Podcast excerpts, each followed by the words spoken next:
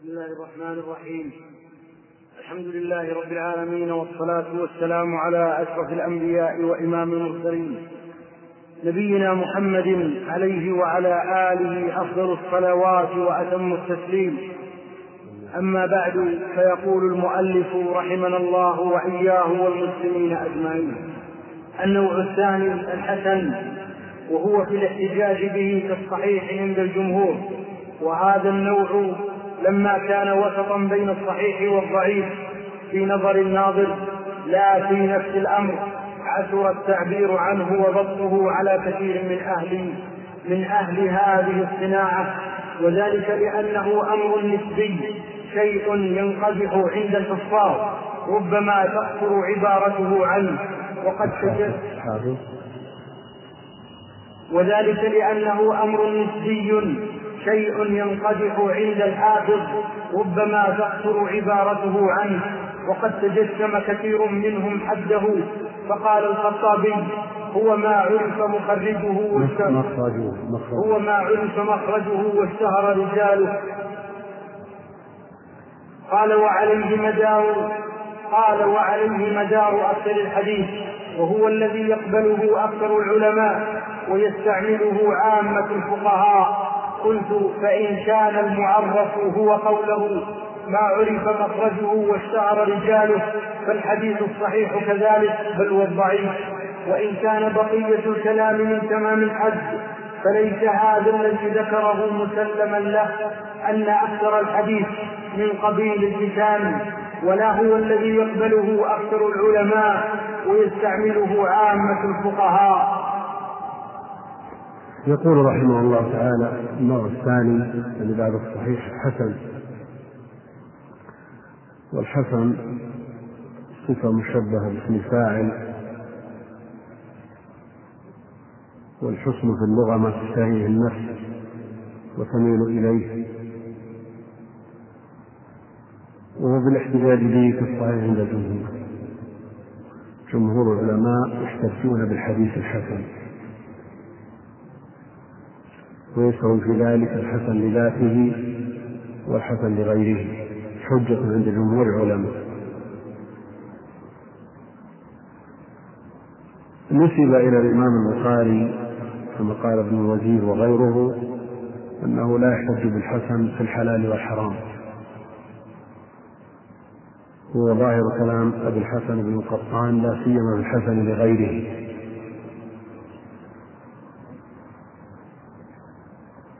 وقال بذلك أبو حاتم الرازي فيما يظهر من كلامه على بعض الرواة أنه قال في بعضهم حسن الحديث قيل لو أتحتج به قال لا. وفي بعض الرواة قال هو صدوق قيل له تحتج به قال لا. وإن كان عنده الصدوق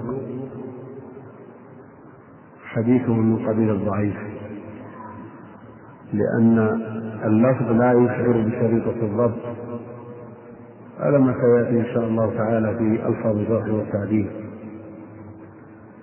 العربي في عارضة الأحوذي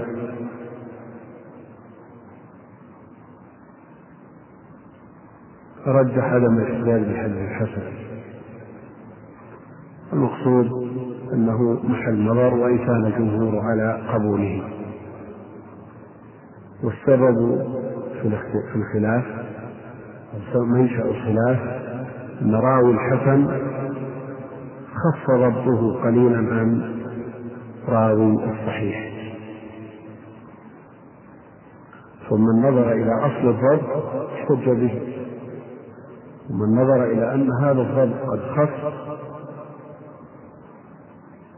والأخبار ينبغي أن يتثبت فيها ويحتاط لها قال إنه لا يحتج به وعلى كل حال المعتمد عند أهل العلم الاحتجاج به وأنه كالصحيح في الحجية. بالنسبة لتعريف الحسن اختلفت أقوال العلماء فيه وتباينت أنظارهم. وما من تعريف من تعريفه إلا وعليه ما يلاحظ. حتى جزم بعض الحفاظ أنه لا مطمع في تمييزه. والسبب في ذلك أنه في مرتبة متوسطة بين الصحيح والضعيف. فمتى يقرب من الصحيح ومتى يقرب من الضعيف.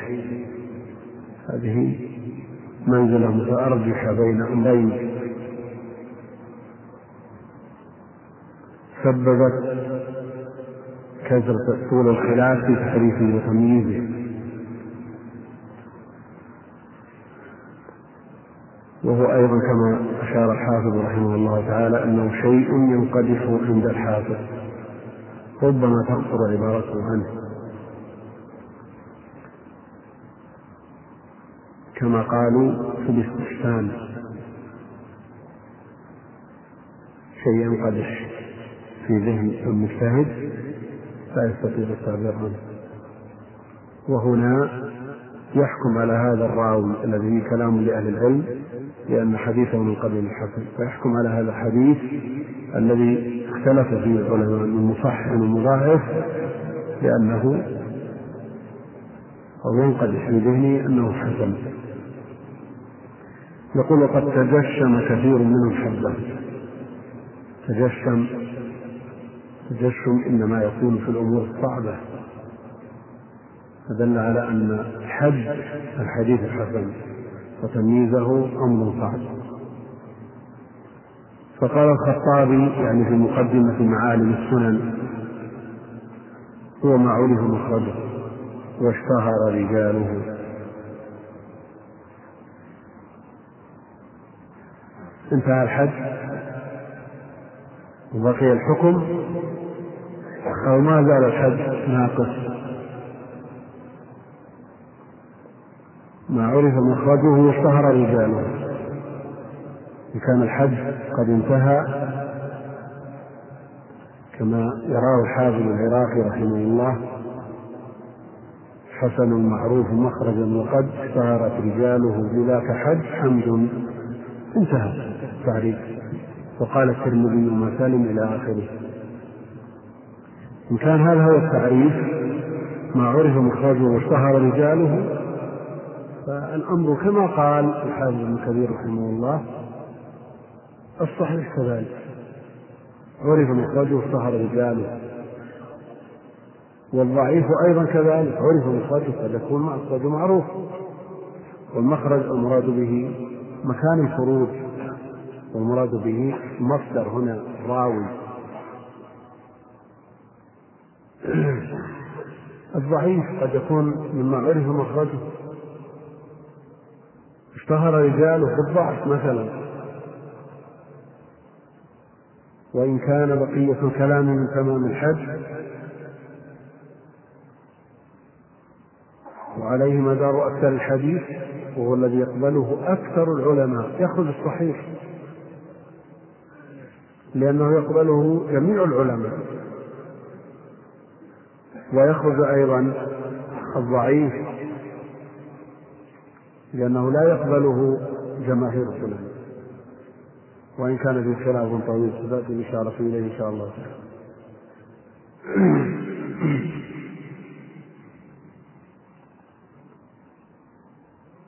يقول وإن كان بقية الكلام من تمام الحج فليس هذا الذي ذكره مسلما. ما أكثر حديث من قبيل الحسان أكثر الأحاديث من قبيل الصحاح والضعاف نعم. الإمام البخاري يحفظ مئة ألف حديث صحيح ومئتي ألف حديث غير صحيح. فدل على أن الأحاديث الضعيفة كثيرة جدا. نعم على قاعدة ابن الصلاح في قطاع التصحيح والتضعيف وأن الحديث الذي يخرجه الإمام.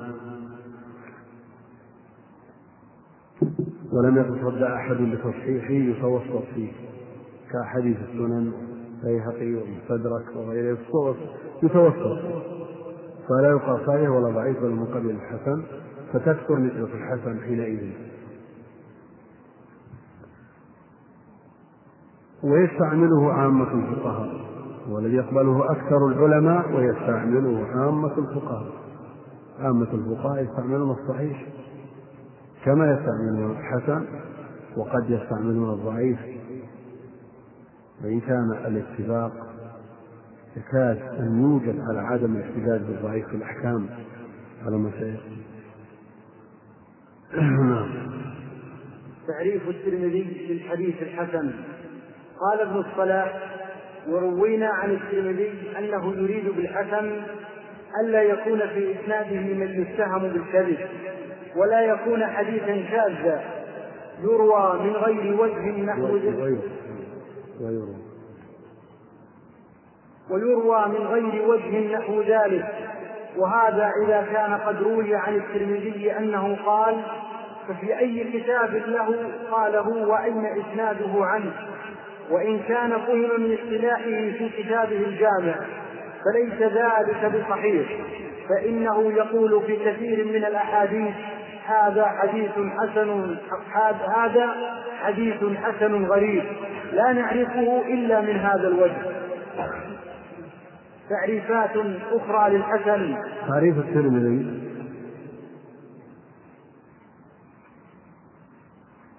ذكره ابن الصلاح ونقله الحافظ بن كثير متابعة. وإن لم نقف عليه من كلامه هو موجود في علل الجامع.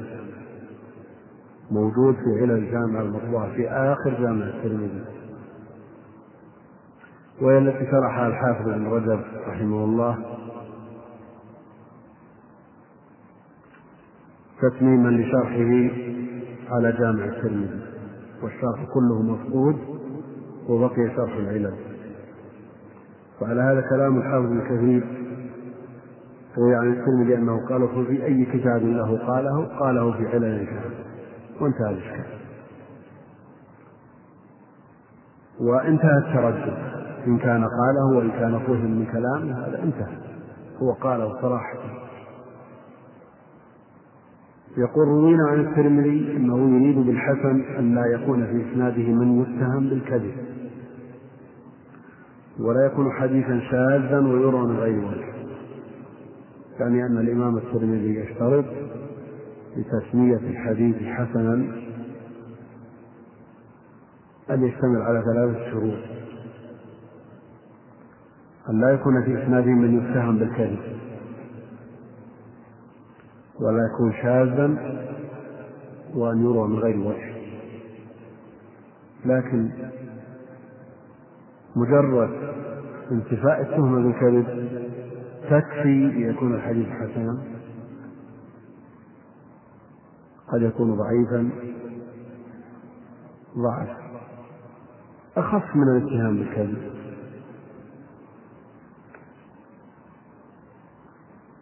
فعلى هذا تعريف الترمذي غير جامع ولا مانع. فهو غير جامع لنوعي الحسن. وغير مانع لدخول أنواع الضعيف كالمنقطع مثلا ولم يشترط الاتصال. وأيضا غير مانع لما كان بعض رواته فاسق مثلا بغير الاتهام بالكذب كما أشرنا. وهو أيضا غير مانع لدخول الصحيح. فالصحيح لا يكون في إسناده من اتهام بالكذب. ولا يكون شاذا ويروى من غير وجه.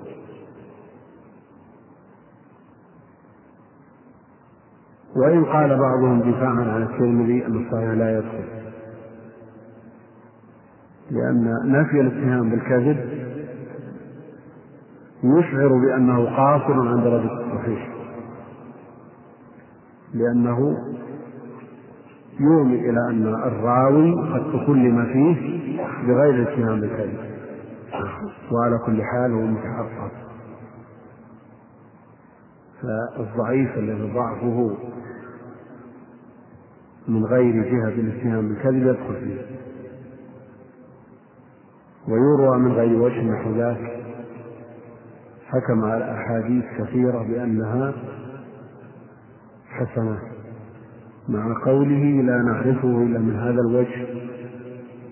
كيف يشترط لكون الحديث حسنا أن يروى من غير وجه ويقول حديث حسن لا نعرفه إلا من هذا الوجه وإن كانت الأجوبة كثيرة على ما سيأتي في جمعه بين الصحيح والحسن إن شاء الله تعالى.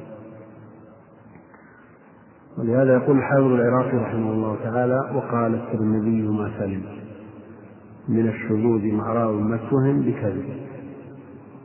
ولم يكن فردا ورد. قلت وقد حسن بعض من خرج. هناك تعريفات أخرى للحسن كتعريف ابن الجوزي مثلا وتعريف الصلاح تقسيمه على كل حال تعريفات كثيرة للحسن نقتصر على ما ذكره المؤلف اختصارا للوقت. نعم. تعريفات أخرى للحسن.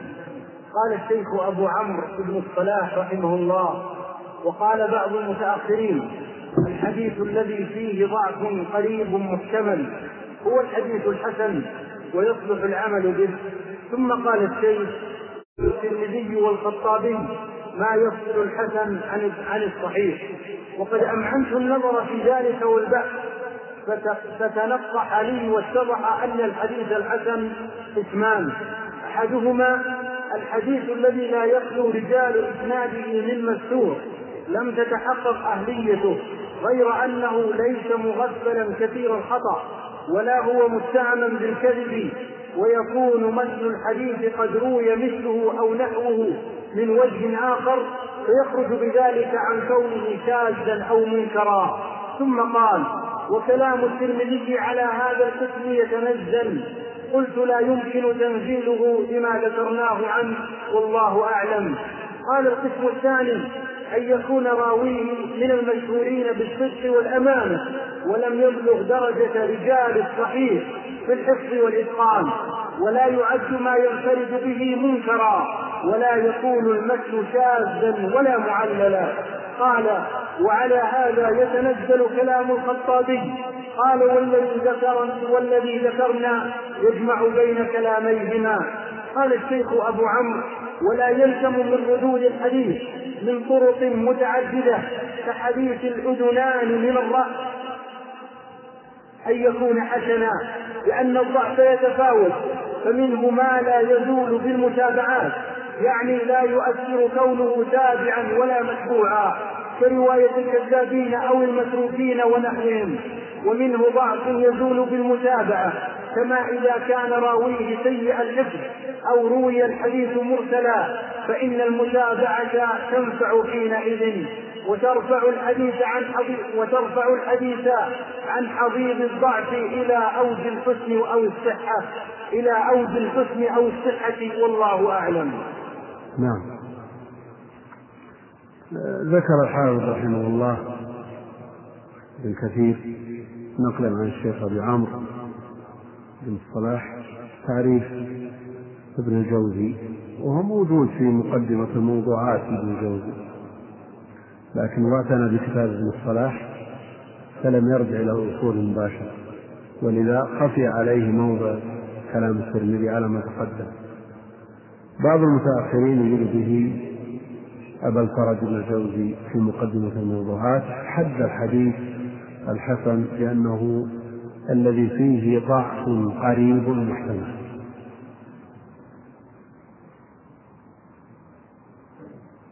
وقيل ما ضعف قريب محتمل. قلت وما بكل ذا حد حصل. ومن ذكر تعريف الخطابي تعريف الترمذي وتعريف الجوزي قال وما بكل وما بكل ذا حد حصل. ولذا قال كل هذا مستبهم لا يشفي الغني. الجوزي كلامه منتقل الضعف القريب المحتمل ليس مضبوط بضابط يميزه يميز به القدر المحتمل من غيره. وإن قلنا أن بقية كلامه ويصلح للعمل ومن تمام الحج لزم عليه الدور. لأنه عرفه بصلاحيته للعمل. وذلك يتوقف على معرفة كونه حسنا. فيلزم على هذا الدور وهو ممنوع. إذا كنا لا نعرف الحسن إلا بصلاحيته للعمل ولا نعلم إلا بما كان حسنا أو صحيحا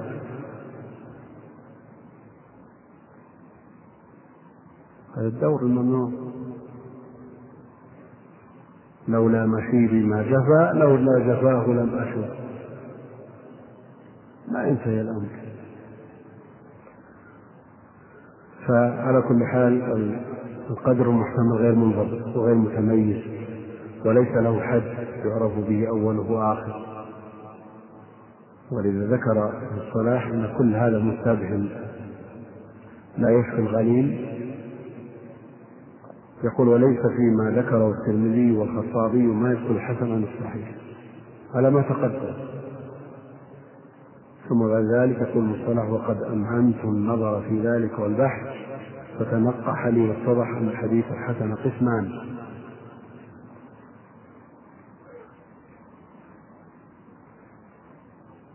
وقال بان لي بإمعان النظر أن له قسمين كل قد ذكر قسما وزاد كونه ما علل ولا بنكر أو شذوذ شمل إلى آخر كلامه. التقسيم الذي يراه ابن الصلاح هو الذي استقر عليه الاصطلاح وهو أن الحسن ينقسم إلى قسمين حسن لذاته وحسن لغيره. فالحسن لذاته الذي لا يخلو رجال إسناده. هذا كلام الترمذي نعم. والقسم الثاني هو الحسن لذاته والقسم الأول الحسن لغيره. أحدهما الحديث الذي لا يخلو رجال إسناده من مستور لم تتحقق أهليته غير أنه ليس مغفلا كثير الخطأ يعني شديد الضعف إنما ضعف خفيف محتمل يقبل الانجبار ولا هو متهم بالكذب يعني ليس بشديد الضعف ويكون مثل الحديث قد روي مثله أو نحوه من وجه آخر. فيخرج بذلك عن كونه شاذا أو منكرا. ثم قال وكلام الترمذي على هذا القسم يتنزل. وما عرف عند المتأخرين بالحسن لغيره.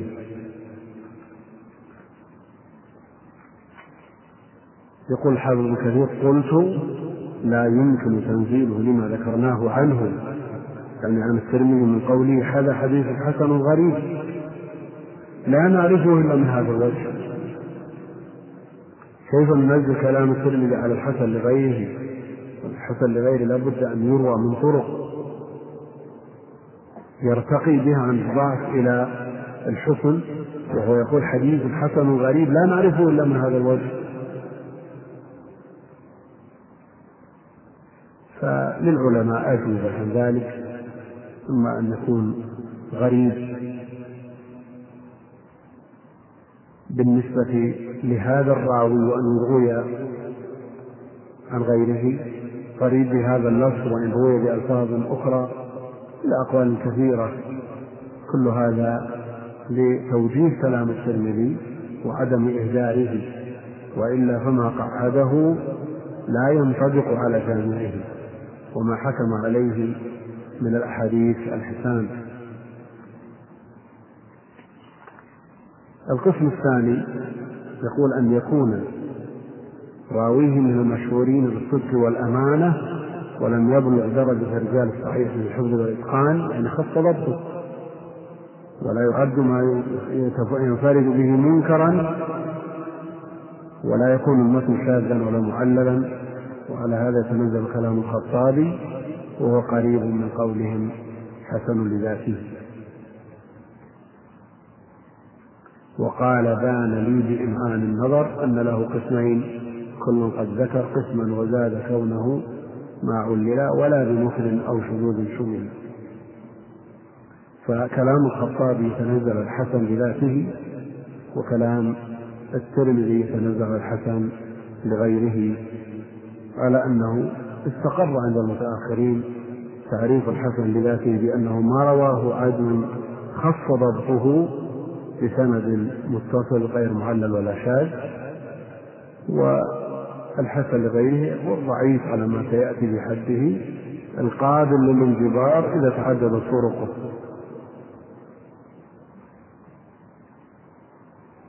ابن جماعة له تعريف المنهج الروي كأنه يريد أن يجمع حد قسمي الحسن في حد واحد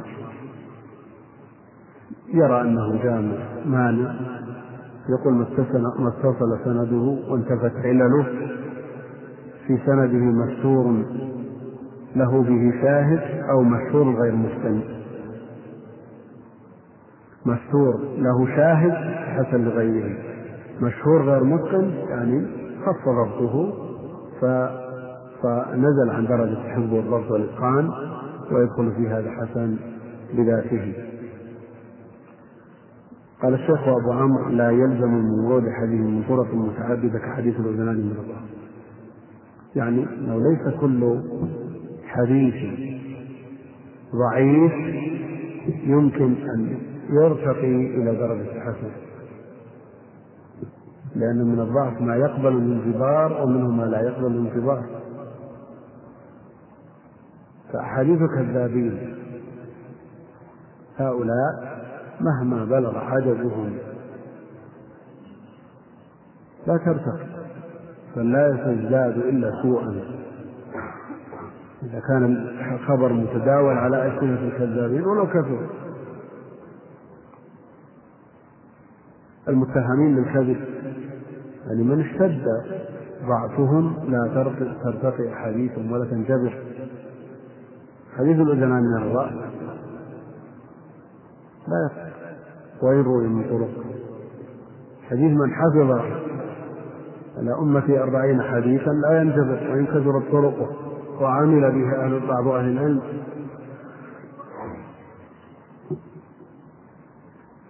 يقول لأن الضعف يتفاوت فمنه ما لا يزول بالمتابعات يعني لا يؤثر كونه تابعا أو متبوعا. كرواية كذابين ومتروكين ومنه ضعف يزول بالمتابعة لا سيما إذا كان ضعف الراوي ناتئا عن خفة ضبطه. إذا كان الضعف ناتج عن الضبط إذا كان ناتج عن انتفاء العدالة مثلا فإنه يقبل الانتباه يقول كما إذا كان راوي سيء الحفظ أو أو روى الحديث أو روي الحديث مرسلا فإن المتابعة حينئذ تنفع. ويرفع الحديث عن حدود الضعف إلى أوجه الحسن أو الصحة. وهذه مسألة مهمة. الضعيف القابل للانتظار. إذا جاء من طريق آخر مثله يرتقي إلى الحسن لغيره. لو جاء من طريق ثالث ورابع وخامس وسادس كله ضعيفة قابل للانتظار يرتقي درجة واحدة إلى الحسن لغيره أو إلى الصحة.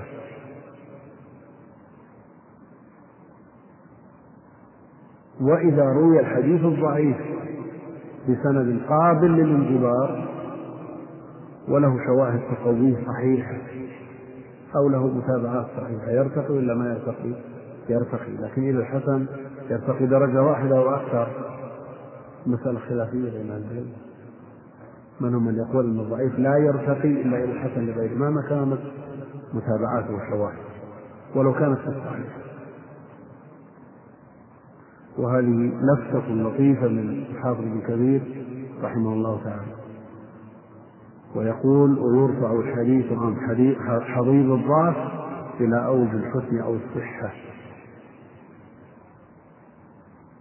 أكثر من زاول التخريج ودراسة الأسانيد لا يرقي الحديث أكثر من درجة.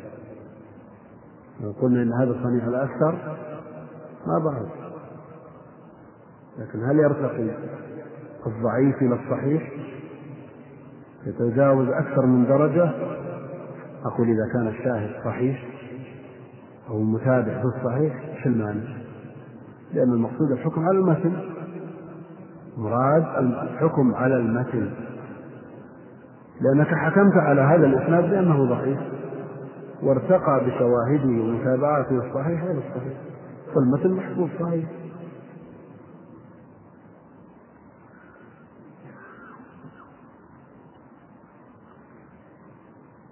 إذا روي الضعيف شديد الضعف من طرق كثيرة ومتباينة وجزمنا بأنهم لم يتواطؤوا على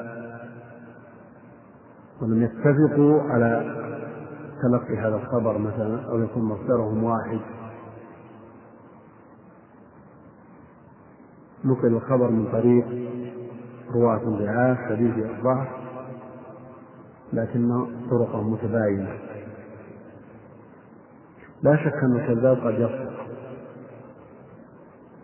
وقد قال عليه الصلاة والسلام عن الشيطان صدقك وهو كذوب.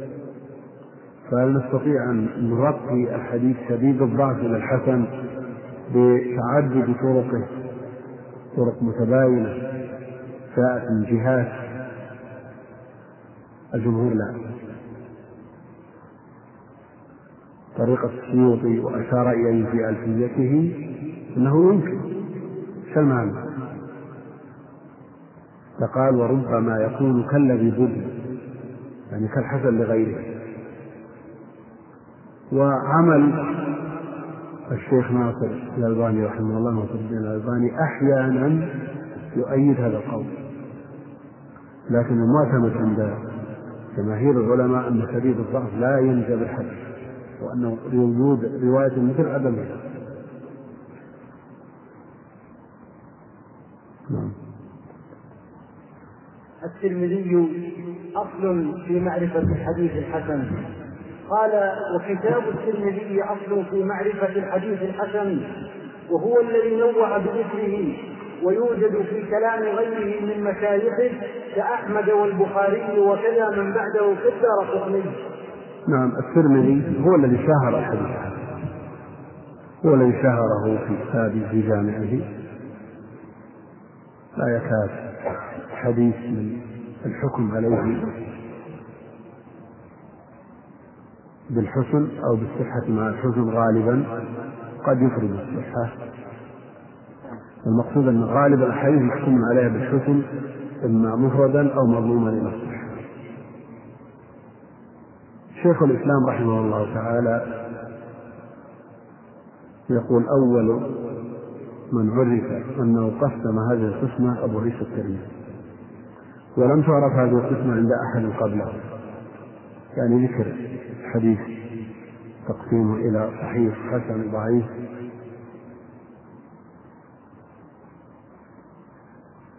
يقول أما من قبل الترمذي من أهل العلم فيقسمونه إلى صحيح وضعيف.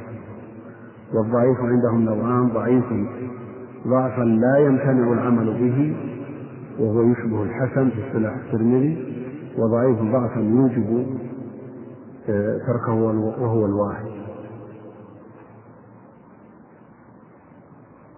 الخلاف لفظا هو قال من حسن ما يعرف وهو معروف من قبل الترمذي. كأحمد والبخاري وعلي بن بن المديني ويعقوب بن شيبة وجمع من حتى الشافعي أشار إليه. الاسم موجود. التسمية موجودة. لكن هل الحقيقة الحقيقة؟ ما دام اللفظ موجود مطلق والخلاف لفظي لأن شيخ الإسلام رحمه الله يرى أن الضعيف قسمين ضعف لا يمتنع العمل به لماذا لا نسميه حسن؟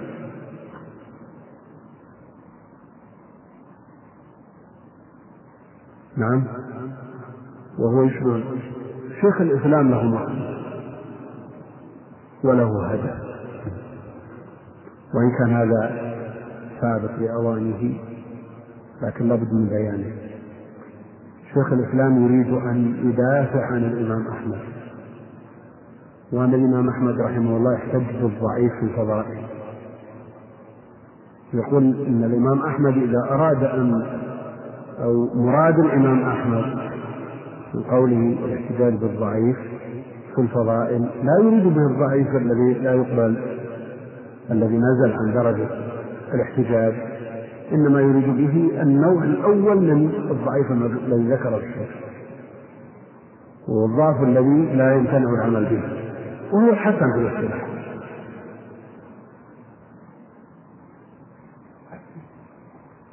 لكن كلام الشيخ رحمه الله متعقب أولا إطلاق الحسن موجود عند من قبل الترمذي من طبقة شيوخه وشيوخهم. الأمر الثاني أنه يلزم منه أن الإمام أحمد لا يحتج بالحديث الحسن في الأحكام.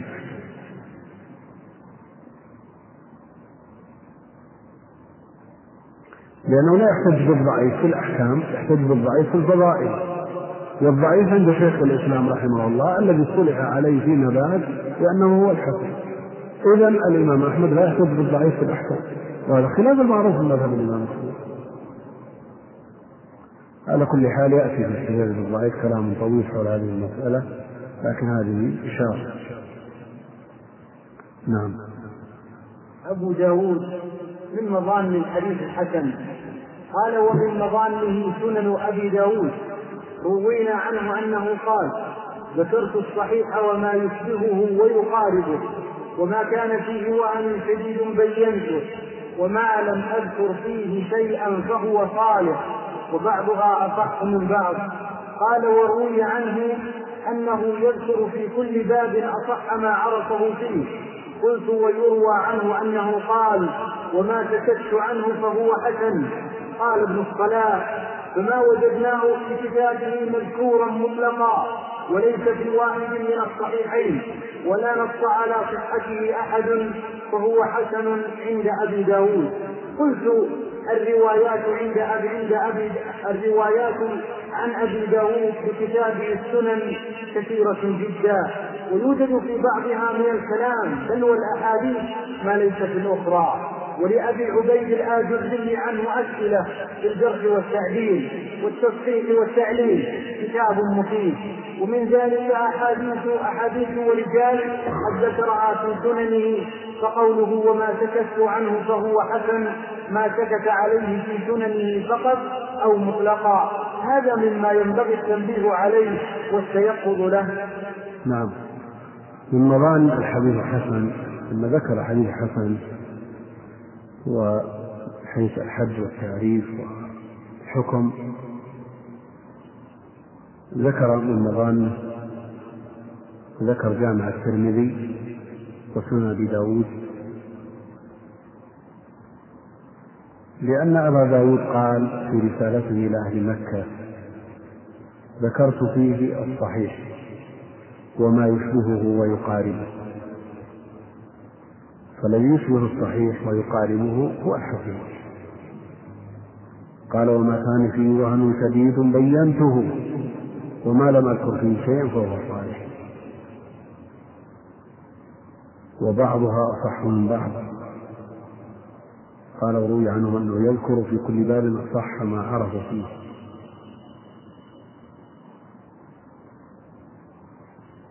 ابن كثير رحمه الله يذكر أنه وقف على رواية من رسالته إلى أهل مكة أنه وما سكت عنه فهو حسن. وهذا يوافق اختيار ابن الصلاح ابن الصلاح الذي يجعله يتوسط في الأحاديث التي لا يذكر فيها كلاما لا يتعقبها بل يسكت عنها ولا يوجد نص على صحة الخبر والحديث غير مخرج في الصحيحين أنه يتوسط في أمره ويحكم عليه بالحكم. هذا من باب التوسط في الحكم وهذا الذي أفرزه رأي ابن الصلاح في انقطاع التصحيح والتضعيف. وإلا فالأصل أن السنن وغيرها من الكتب حاشا الصحيحين مما ينبغي أن تدرس أسانيده ويحكم على كل حديث بما يليق به كما تقدم في كلامه عن مستدرك الحاكم.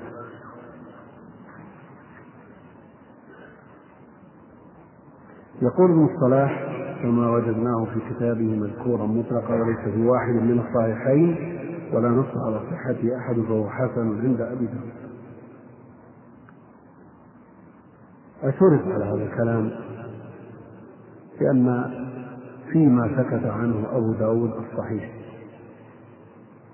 وفيما سكت عنه أبو داود الحسن وهو كثير وفيما سكت عنه الضعيف. لأن مقتضى لفظه وما كان فيه وهن شديد بينته معناه أن الوهن والضعف غير شديد لا يبينه. إذا فيه الضعيف. وأيضا واقع الكتاب يشهد بأنه سكت عن أحاديث ضعيفة. بل شديدة الضعف. فكيف نقول ان ما سكت عنه أبو داود هو حسن؟ وهذا المسلك يسلكه النووي كثيرا. هذا الحديث خرجه أبو داود سكت عنه فهو حسن. يسلكه المنذري أيضا. في الترغيب سكت عنه أبو داود. المقصود أن هذا قول مسلوك لكنه مرجوح. لماذا؟ لأنه وجد في الأنواع فيما سكت عنه ففيما سكت عنه الصحيح والحسن والضعيف والأولى أن يتصدى للكتاب وغيره من الكتب التي لم يلتزم مؤلفوها الصحة. أو التزموا واشترطوا لكن لم يفوا أن يحكم على كل حديث بما يليق به.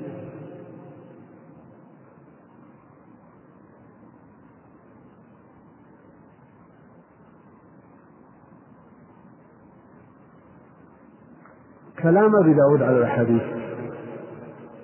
هل نقول أن ما أشار إليه هنا كله موجود في السنن؟ يعني ما سكت عنه في السنن فقط.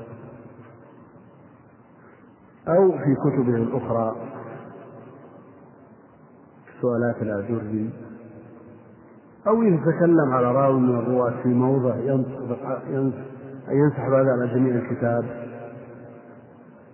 المقصود أن هذا غير منضبط. غير منضبط. فلا بد من الحكم على كل حديث حديث. نعم إذا كان حديث مخرج في الصحيحين أو في أحدهما لا كلام. لكن الشأن فيما عدا ذلك. والروايات عن أبي داود كثيرة. الكتب لها روايات. الكتب لها روايات. البخاري مروي بروايات متعددة. في بعضها ما لا يوجد في بعض. مسلم كذلك وإن كان أقل. أبو داود كذلك وهو أكثر من مسلم في هذا. هناك رواية اللؤلؤي ورواية ابن داسة ورواية ابن العبد ورواية ابن الأعرابي. في سنن أبي داود وفي بعضها ما لا يوجد في بعض وإن كان قليل لكنه موجود. فقد يوجد الكلام في بعض الروايات دون بعض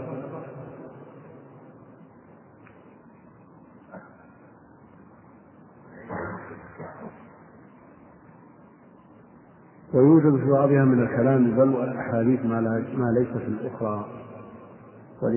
ولأبي عبيد الآجوري عنه أسئلة في الجرح والتعديل. طبع قسم منها. والتصحيح والتعليل كتاب مكنون ومن ذلك أحاديث ورجال قد ذكرها في سننه.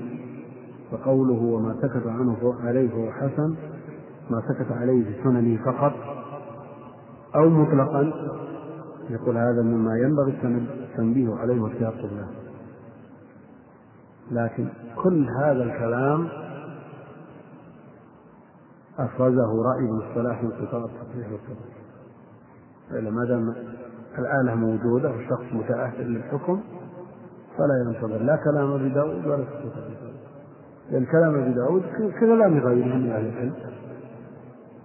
لكلام الترمذي أصرح من كلام النبوي ينص صراحة على أن هذا حديث صحيح لكن هل يلزم من ذلك أن الحديث صحيح؟ بالفعل؟ ما يلزم. لأن الجمهور يرون أن الترمذي متساهل في التصحيح والتحسين وإن زعم بعضهم أنه تصحيحه معتبر وإن زاد الشيخ أحمد شاكر في ذلك ورأى أنه تصحيحه معتبر. وتوثيق لرجاله. يعني إذا قال هذا حديث صحيح أو حسن صحيح فالرجال هؤلاء كلهم ثقات هذا كلام ليس بصحيح هذا كلام ليس وكم من حديث صححه الترمذي وفيه نظر كم من حديث حسنه الترمذي وفيه أنظار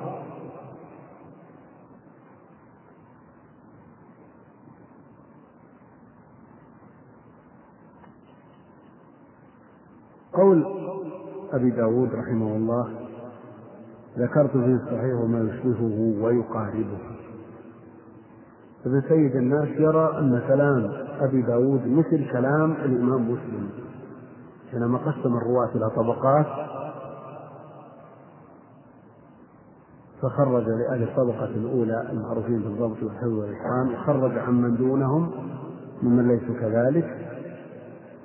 يقول ما في فرق بين كلام الإمام مسلم وتقسيم الرواة إلى طبقات ونزوله إلى أحاديث الطبقة الثانية.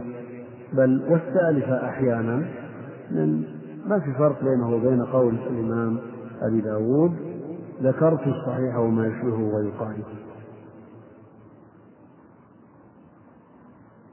ولذا يقول حافظ العراقي رحمه الله وللإمام اليعمري إنما قول أبي داود يحكي مسلم. حيث يقول جملة الصحيح لا توجد عند مالك والنبلاء فاحتاج أن ينزل في الإسناد إلى يزيد بن أبي زياد مسلم نزل عن الدرجة الأولى عن الطبقة الأولى عن الحفظ والضبط والإتقان لكنه التزم الصحة ووفى بها. وإذا نزل نزل إلى من خص ضبطه وارتفعت هذه الخصة بمتابعة غيره من أهل الضبط والإتقان. فرق بين ما نزل إليه الإمام مسلم وبين ما سكت عنه. فرق كبير. وواقع الكتابين يشهد بالفرق. وإن قال ابن سيد الناس هذا الكلام.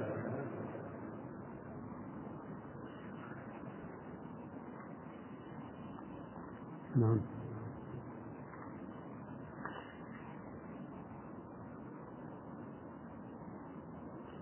يقول هذا السائل هذه المناسبة ألا يقال عن تصريح الترمذي أو تحسينه لبعض الأحاديث توثيق فعلي لرجل رجال الإسناد عنده وإن لم يكن عند غيره. متى يكون توثيق فعلي؟ إذا كان حديث يدور عليه. لكن إذا قال الترمذي هذا حديث حسن صحيح وفي الباب عن فلان وفلان وفلان. ما يحتمل يكون توثيق فعلي لكن إذا خرج البخاري عن شخص مدار الحديث عليه يكون توثيق فعلي أما إذا خرج الحديث ثم حكم عليه بالصحة وفي الباب غيره نظر إلى المجمع معروف طريقة الترمذي. آه، التصحيح آه، المجموع كما هو معروف. نعم. يقول ما هو قول غد حسن لغيره يحتج به بالعقائد والأحكام؟ وهل يخصص القرآن والحديث المتواتر والآحاد المقصود إذا قلنا أن الحسن حجة كالصحيح على الخلاف في ذلك وما ذكر من الخلاف بين قسميه الحسن الحسن لذاته أو الحسن لغيره إذا ارتقى. إذا اقتنعنا أن الحديث وصل إلى رتبة الحسن والحسن حجة فهو حجة. والشرع متساوي الأقدام. يستوي في ذلك العقائد والأحكام والفضائل وغيرها. كما ستأتي الإشارة إليه إن شاء الله تعالى في الضعيف. نعم. كتاب المصابيح للبغوي.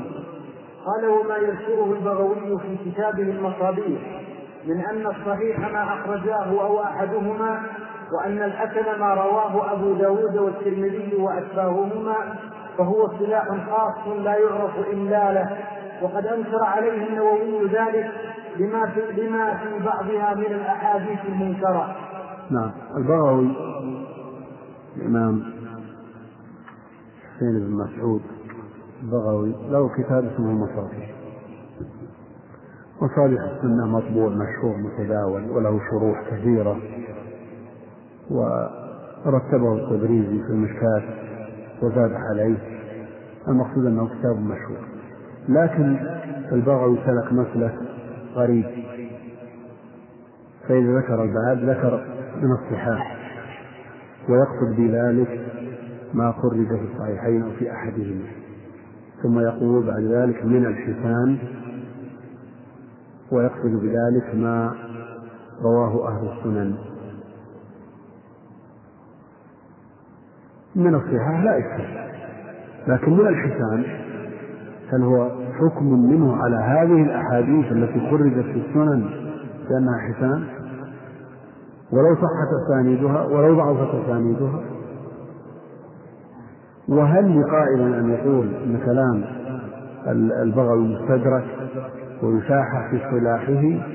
أو نقول كما يطلق أهل العلم لا مشاحة في الاصطلاح. والبغوي قسم المصابح إلى الصحاح والحسان جانحا أن الحسان ما رووه للسنن قلت. نعم. نعم بل فيها غيره المقصود هل يشاح البغوي في اصطلاحه أو نقول إنه بين اصطلاحه في المقدمة ويكفي؟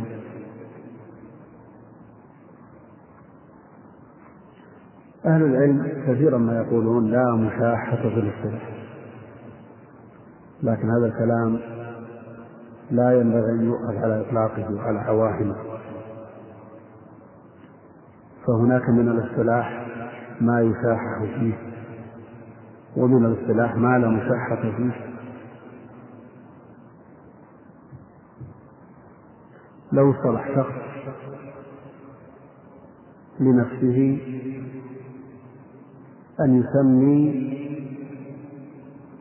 والد الزوجة عم والناس يقولون خال. يقول لا أنا بسمي حمد. يشاح في الاصطلاح ولا يشاح لا يشاح لأن الاصطلاح لا لا يترتب عليه حكم. لكن لو قال عمي ويقصد بذلك أخا والده الناس يسمونه عم إخواني كلهم يسمونه عم أنا بسمي خال. يشاح في الاصطلاح ولا ما يشاح؟ يشاح ترتب عليه حكم. شرعي يرثه ولا يرثه مسألة معروفة لو قال من مصطلح نفسي أن أقول الشرق غرب والغرب شرق والشمال جنوب والعكس.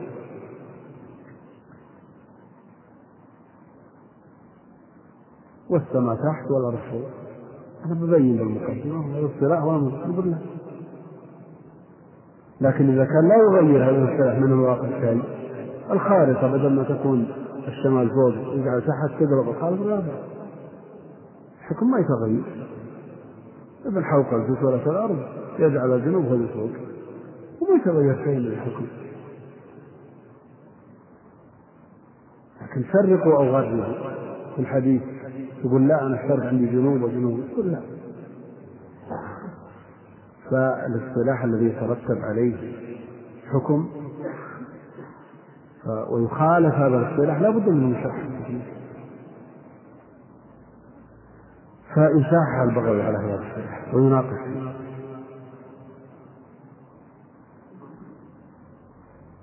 فيه فحكمه على أحاديث السنن بأنها حسان مردود عليه. رد عليه إذ بها غير حسن. بلا شك لأن فيها الصحيح وفيها الضعيف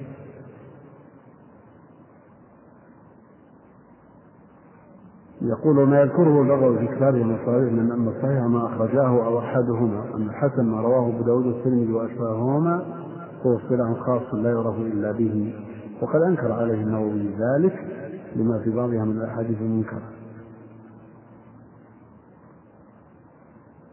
وعرفنا أن الاصطلاح الذي يخالف ما تقرر في علم من العلوم. استقر عليه أهل الفن لا بد من المشاحة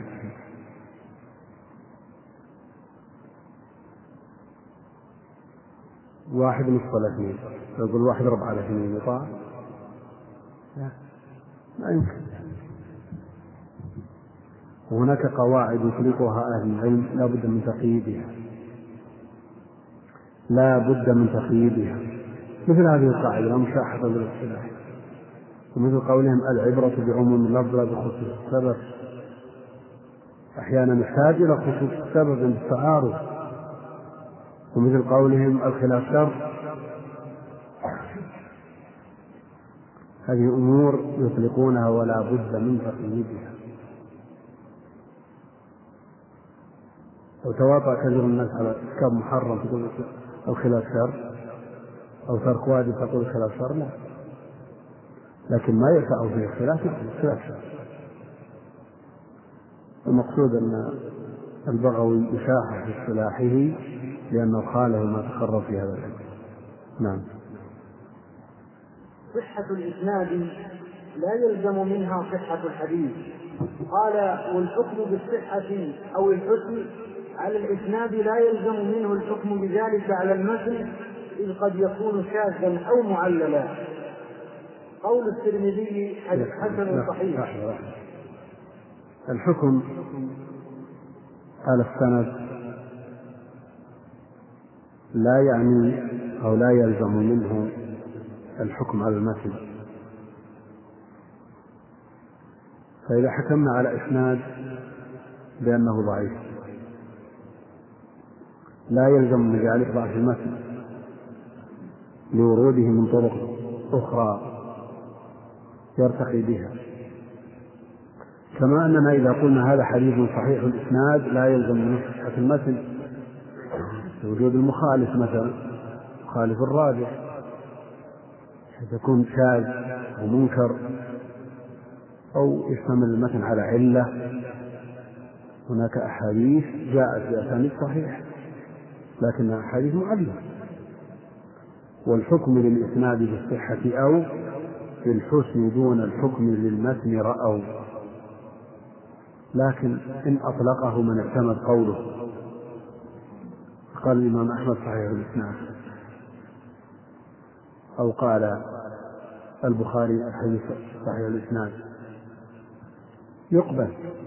لأنه ما يتصور أن الإمام أحمد يصحح الإسناد وفي متنه علم ويسكت أو البخاري أو إمام معتمد من أئمة الحديث يقبله إن أطلقه من يعتمد ولم يعقبه بضعف منه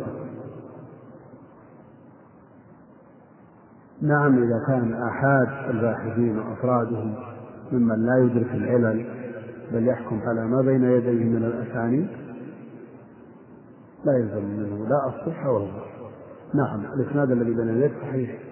لكن متنه الجمع جميع طرق الحديث والباب إذا لم تجمع طرقه لا يتبين خطأ.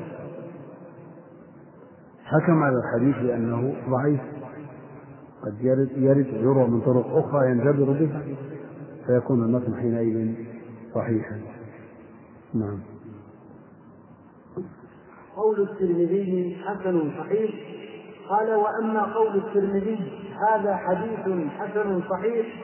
فمشكل لأن الجمع بينهما في حديث واحد كالمتعذر فمنهم من قال ذلك باعتبار إسنادين حسن وصحيح. قلت وهذا يرده أنه يقول في بعض الأحاديث هذا حديث حسن صحيح غريب لا نعرفه إلا من هذا الوجه. ومنهم من يقول هو حسن باعتبار المتن صحيح باعتبار الاسناد وفي هذا نظر أيضا فإنه يقول ذلك في أحاديث مروية في صفة جهنم وفي الحدود والقصاص ونحو ذلك. والذي يظهر لي أنه يشرب الحكم بالصحة بالصحة على الحكم بالحسن كما يشرب الحكم بالصحة. فعلى هذا يكون ما يقول فيه حسن صحيح أعلى رتبة عنده من الحسن ودون الصحيح.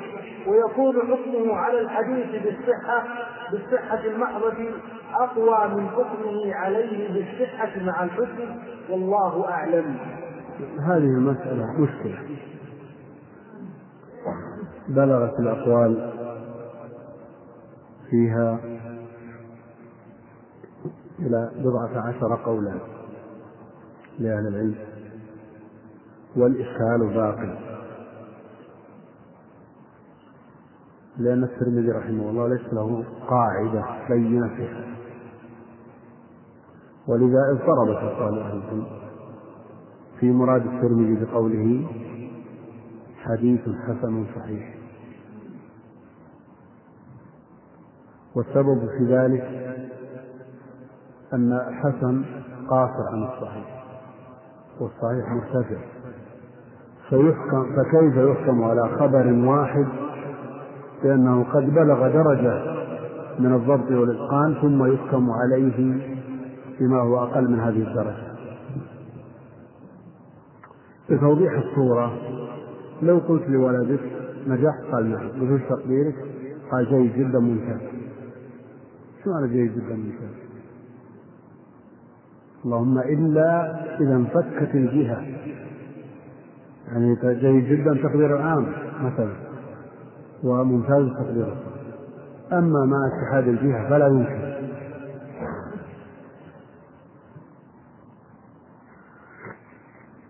التمس أجوبة كثيرة عن هذا منهم من يقول إن كان الحديث مروي من أكثر من طريق فمراد الترمذي أنه صحيح من طريق وحسن من طريق.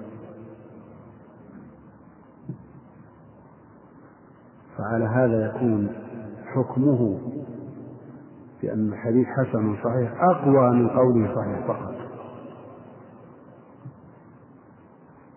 وإذا كان الحديث غريبا ليس له إلا طريق واحد فقالوا إنه صحيح عند قوم وحسن عند آخرين.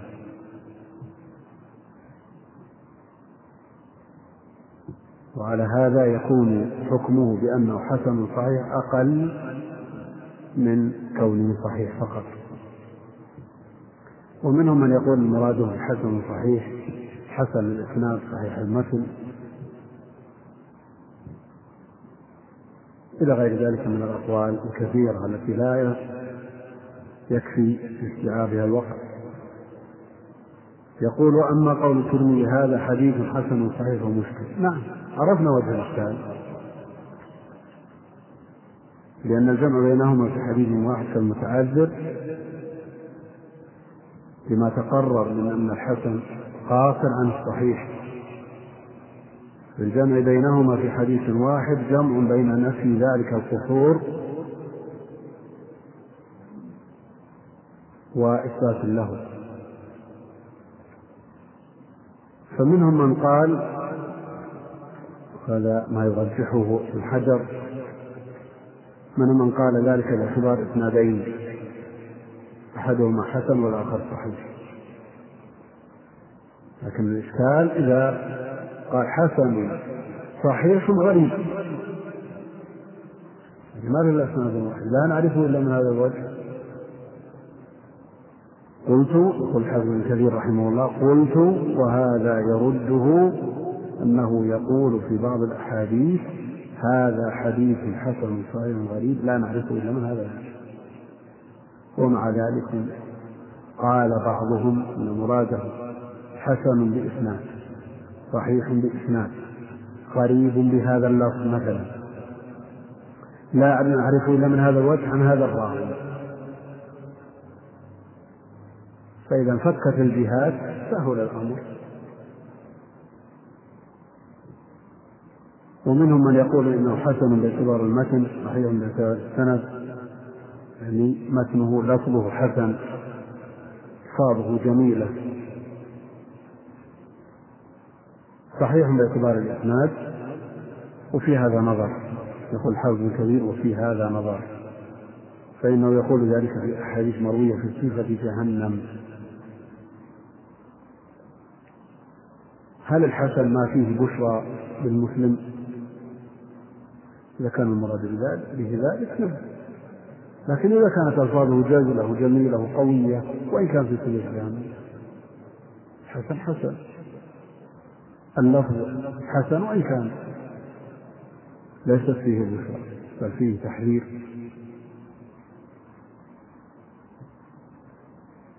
ولكم في القصاص حياة أبلغ ما قيل في الباب. صار حسنة أو جزلة أو جميلة وهو القصاص وهم يقولون القتل أنفع للقتل يقول فإنه يقول ذلك في أحاديث مروية في صفة جهنم. وفي الحدود والقصاص ابن الصلاح يقول إنه غير مستنكر. أن يطلق الحسن ويريد به حسن اللفظ وجماله وجزالته وقوة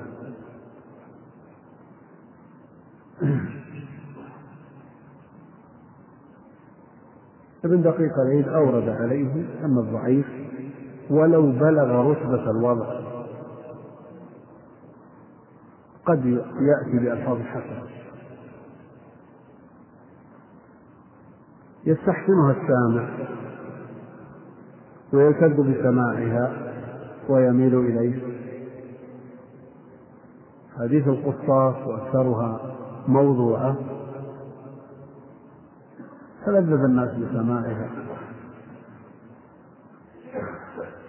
وأخبار الزهاد الموجودة في الكتب التي تعتني بذكر أخبارهم كاليوم والصفوة وغيرها.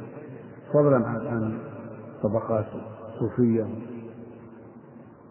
فيها ألفاظ كثير من الناس يتمنى سماعها ويتلذذ بذكرها. وفيها من الأخبار الموضوع الشيء الكثير ولذلك انتقاد من دقيق العيد يقول الضعيف ولو بلغ رتبة الوضع إذا كان حسن اللفظ ألا يرد على قول الصلاح وأنه غير مستنكر؟ يقول الحافظ الكريم بعد ذلك والذي يظهر لي أنه يعني الترمذي يشرب الحكم في الصحة على الحديث بالحسن كما يشرب الحسن بالصحة. يعني يمزج يخلط يعني مثل لو وضعت ليمون على السكر حامض حلو يشرب الحكم بالصحة على الحديث بالحسن في اللي يطلع يطلع شيء متوسط بينهم. شيء متوسط بين الصحة والحسن.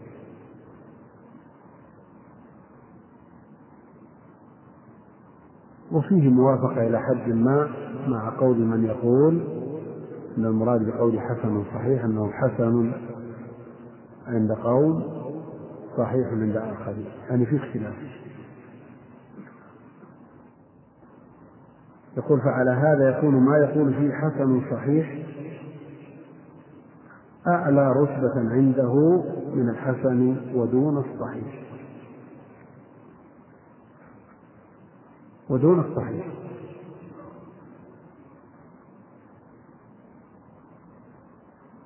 يعني لو أتينا بسكر خالص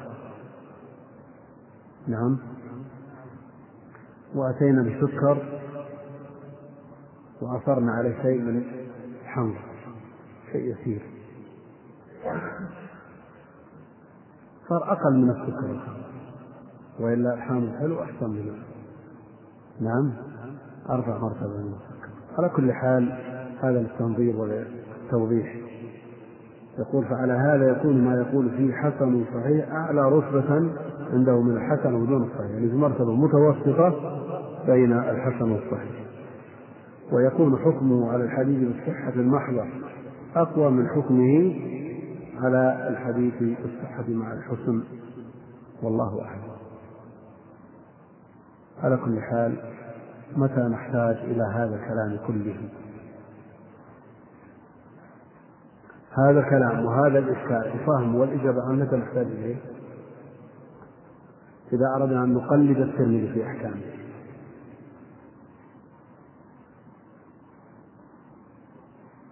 إذا أردنا أن نقلد الترمذي في أحكامه احتاجنا إلى مثل هذا الكلام.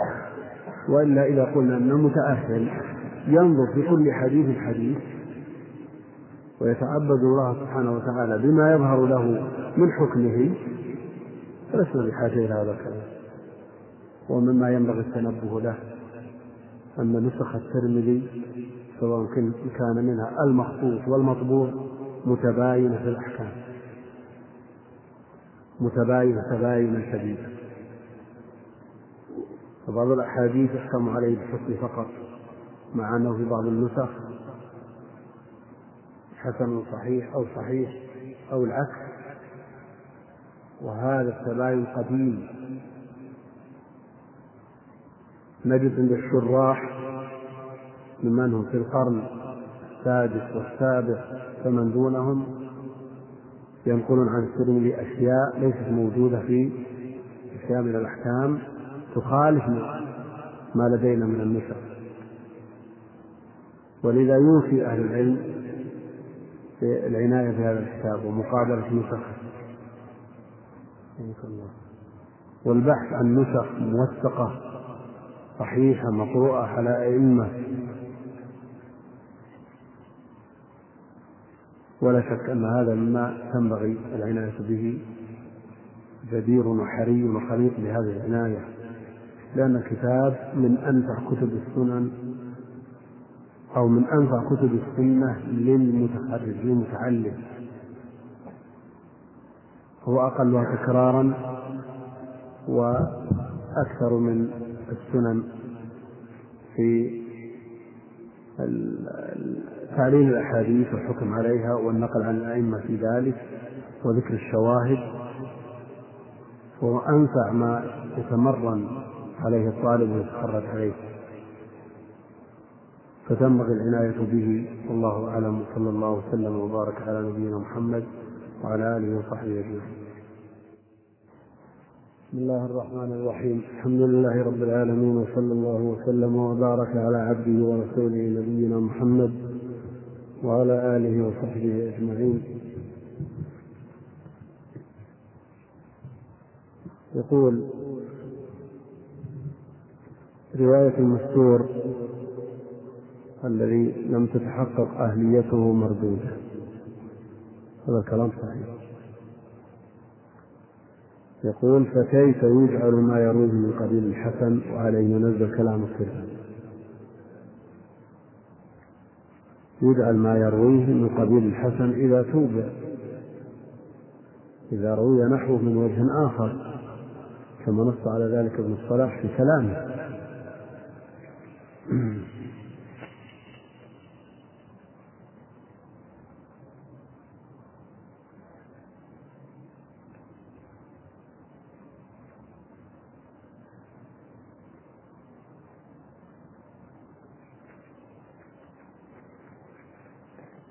أسئلة كثيرة.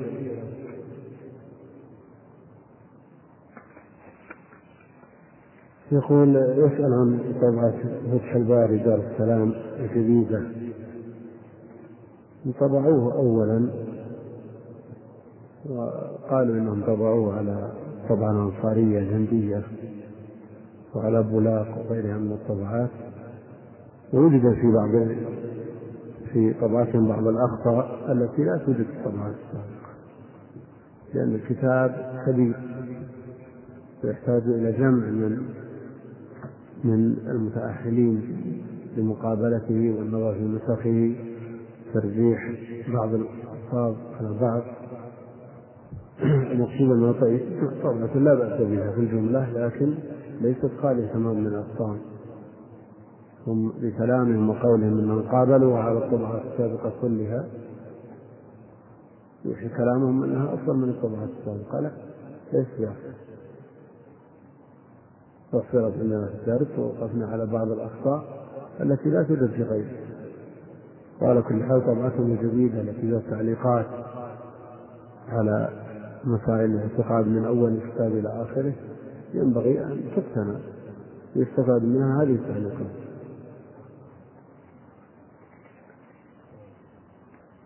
يقول ما دام تصحيح الترمذي وتحسينه ليس معتبرا كأحكام الشيخين فما هي ثمرة الخلاف في معنى قوله حسن صحيح. قلت إنما يحتاج إلى هذا الخلاف حينما نقول بتقليد المتقدمين في تصحيحهم وانقطاع التصحيح بالنسبة للمتأخرين وهم يرون الصلاح. لكن الرأي الصواب في هذه المسألة أن المتأخر إذا تأهل للتصحيح والتضعيف أنه ليس له ذلك بل هو المتعين في حقه. على أن لا يخرج عن أحكام المتقدمين؟ على أن لا يخرج عن مجموع أحكام المتقدمين؟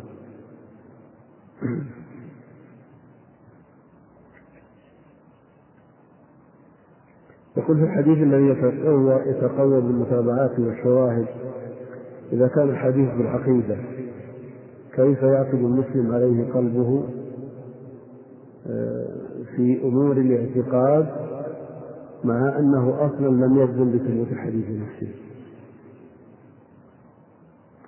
الأحكام والعقائد والتكاليف مناطق بغلبة الظن وإلا لو اشترطنا القاطع. ما ثبت لنا إلا القليل النادر نعم يثبت يصفو لنا القرآن وما تواتر من السنة. لكن إذا وجدت غلبة الظن في ثبوت الخبر كفى لأن الأحكام مناطة بغلبة الظن. ولا يلزم أن نقطع بكل خبر نسمعه أو لا نعمل به لا يجب العمل به. وإن لم نقطع بثبوته. فالأحكام والعقائد مناطها غلبة الظن. ولا نقول أنها تحتاج إلى دليل قطعي وإلا فلا. وإلا لم يثبت عندنا شيء يذكر. فعامة الأحاديث أخبار أحاد. تفيد غلبة الظن إلا إذا احتفت بها قرينة على ما تقدم. يقول طبعة سمير الزهيري من بلوغ المرام. طبعا لا بأس بها في الجملة. نعم وجد عليه ملاحظات في تصحيح بعض الأحاديث وتضعيفها لكن هي في جملتها طيبة.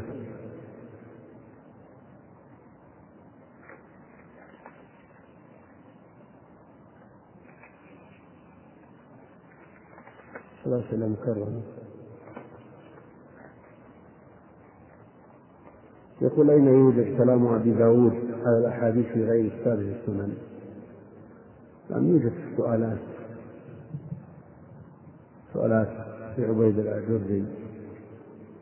وفيها أيضا أشياء وإن كانت كثيرة في سؤالاته للإمام أحمد. يذكر بعض الأشياء. وفي بعض الروايات ما يوجد دون بعض يعني ذكرنا أن سنن أبي داود مروي بروايات متعددة كغيره من كتب السنة. فيوجد في رواية اللؤلؤي ما لا يوجد في رواية ابن العبد ويوجد في رواية ابن العبد ما لا يوجد في رواية ابن داسة فلا نجزم بأن داود لم يتكلم على هذا الحديث ولم ينبه عليه لأننا وقفنا على رواية واحدة حتى نجمع الروايات كلها.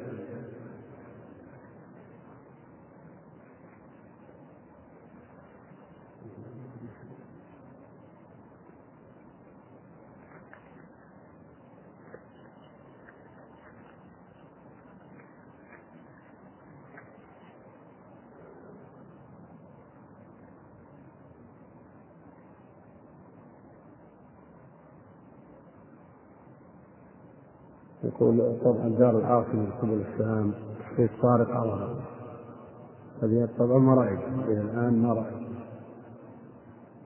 وطارق عوض الله مظنة للتجويد مظنة للتجويد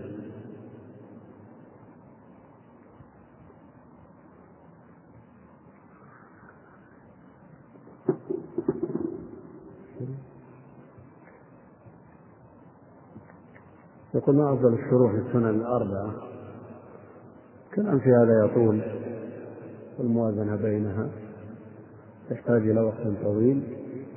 هناك أشرطة سجلت في شروح الكتب الستة ومزاياها فليرجع إليها.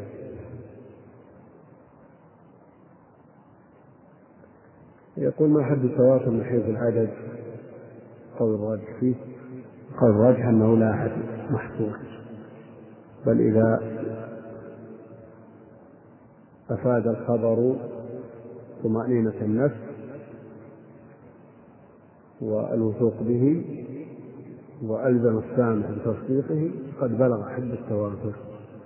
وفي هذا كلام يطول جدا من حيث لزوم الدور وعدم يحتاج إلى وقت لبسطه لأن المسألة دقيقة وتحتاج إلى وقت البسط فتراجع الأسئلة المسجلة في شرح النخبة ونظمها.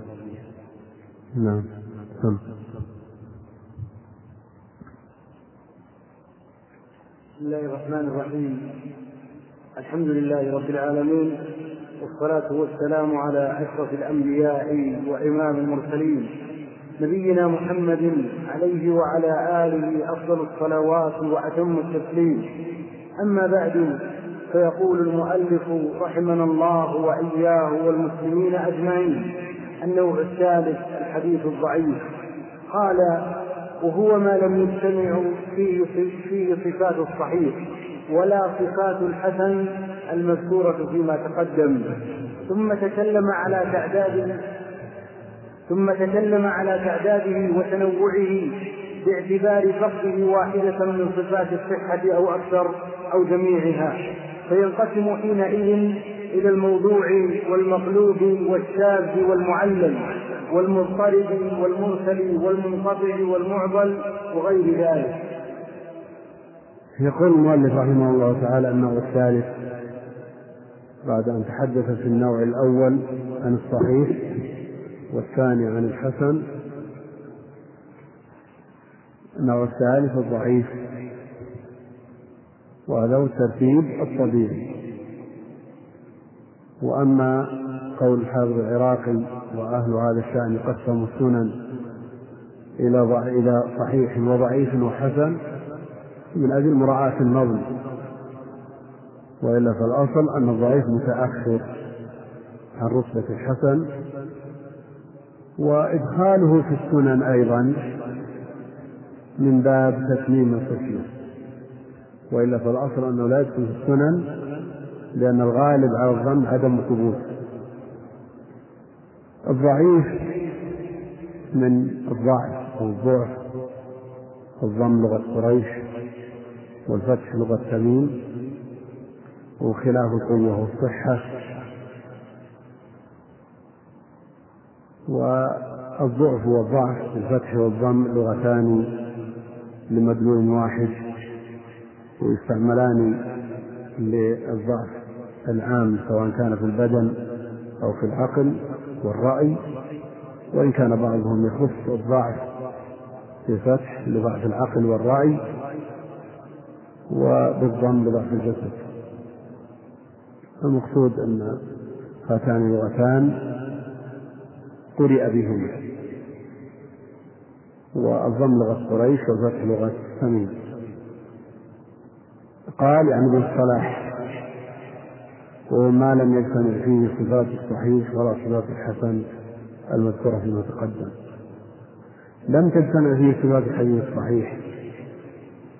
اختل فيه شرط من شروط الصحيح. شروط الصحيح خمسة التي تقدمت. عدالة الرواة تمام الضبط إتقان السند انتفاء الشذوذ انتفاء العلة. إذا تخلف شرط واحد من هذه الشروط قلنا إنه لم تجتمع فيه في هذه الصفات فهو الحديث الضعيف ولا صفات الحديث الحسن المذكورة في المتقدم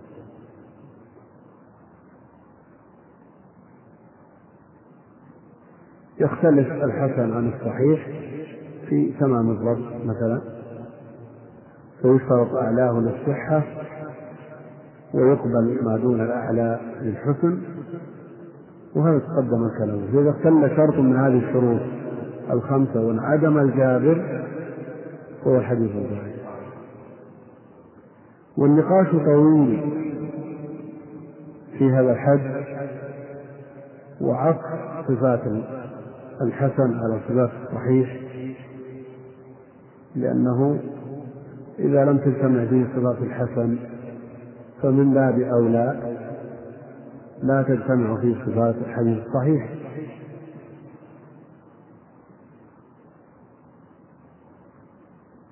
إذا لم تتوافر صفات الحديث الحسن وشروطه هل يمكن أن تتوافر شروط الحديث الصحيح؟ لا يمكن فلماذا ينكر الصحيح في الحج؟ مع أن المطلوب في الحدود أن تكون مختصرة تحفظ وتكون جامعة مانعة ولذا اختصر الحافظ العراقي في تعريف الضعيف على ذكر الحسن. أما الضعيف وهو ما لم يبلغ مرتبة الحسن وإن بسط بغي إلى آخره. فلا داعي لذكر الصحيح الحج لأنه إذا قصر عن رتبة الحسن فهو عن رتبة الصحيح أقصر.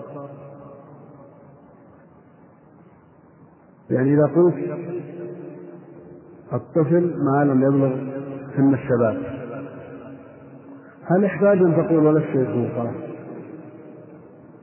يحتاج.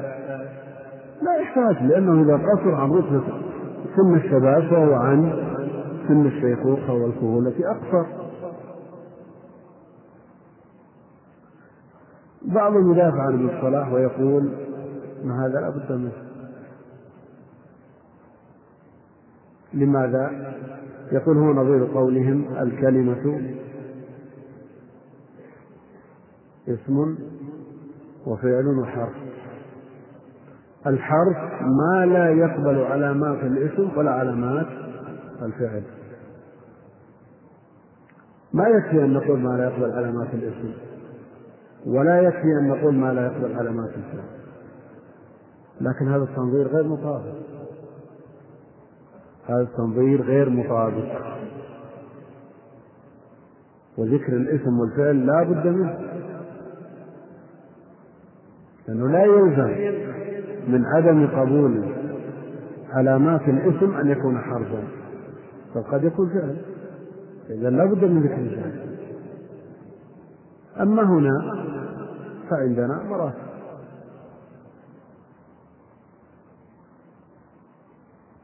مراتب مرتب بعضها على بعض فلا يمكن الوصول إلى الدرجة آه، الثالثة إلا بعد مرور بالدرجة الثانية. على هذا لا نحتاج إلى ذكر الدرجة الثالثة في الحج. إذا قدر أن الأضعف الضعيف ثم الحسن. فإذا لم يصل إلى رتبة الحسن فلن يصل إلى درجة الصحيح. والكلام في هذا طويل والمناقشات لا يحتملها الوقت. ابن حجر خرج من هذا الكلام كله في تعريف الضعيف قال هو الحديث الذي لم تجتمع فيه صفات القبول والقبول يشمل الصحيح ويشمل الحسن. والحديث الذي لم تجتمع فيه صفات القبول.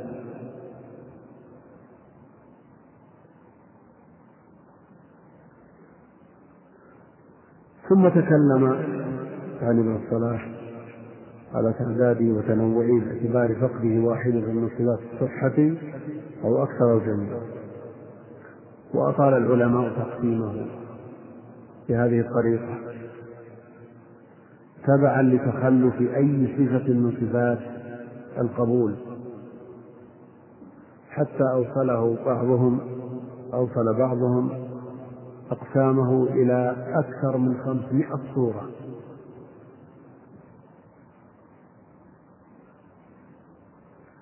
وطريقة استخراج هذه الصور عندنا خمسة شروط.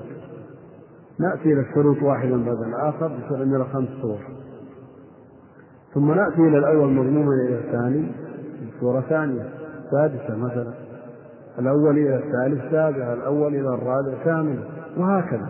ثم نأتي إلى الثاني ونفعل به كما فعلنا بالأول.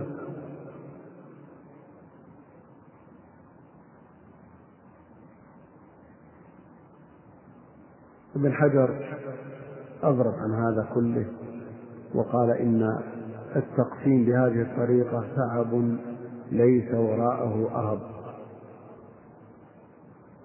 كتبت الرسائل في أقسام الضعيف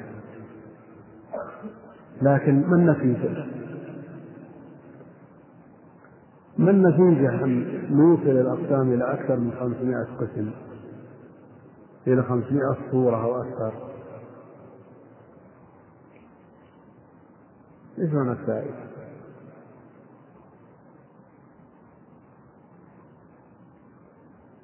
المسمى من أنواعه قليل. ولذا قال فينقسم جنسه إلى الموضوع والمقلوب والشاذ والمعلل والمضطرب والمرسل والمنقطع والمعضل وغيره. ويكتفى في بقية الصور من يقال ضعيف أو ضعيف جدا.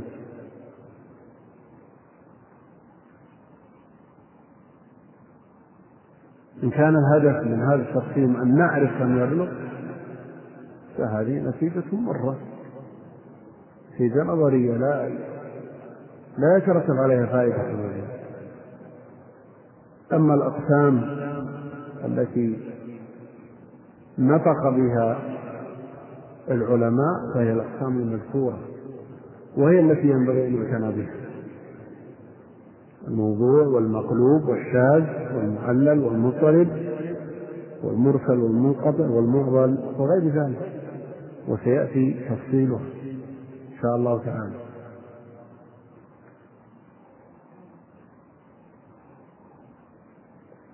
الضعف ينشأ من أحد أمرين. إما من فقد العدالة أو فقد الضبط. والعدالة يخرمها أمور. الكذب التهمة بالكذب. الفسق البدعة الجهالة على خلاف في المجهول. يأتي ذكره إن شاء الله تعالى.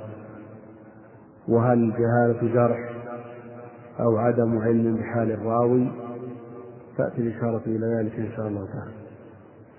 وعدم الضبط يكون بسبب كثرة الخطأ فحش الغلط الوهم مخالفة الثقات وغير ذلك. المقصود أن الضعف سرب إلى الخبر بهذه الأشياء بسبب هذه الأشياء.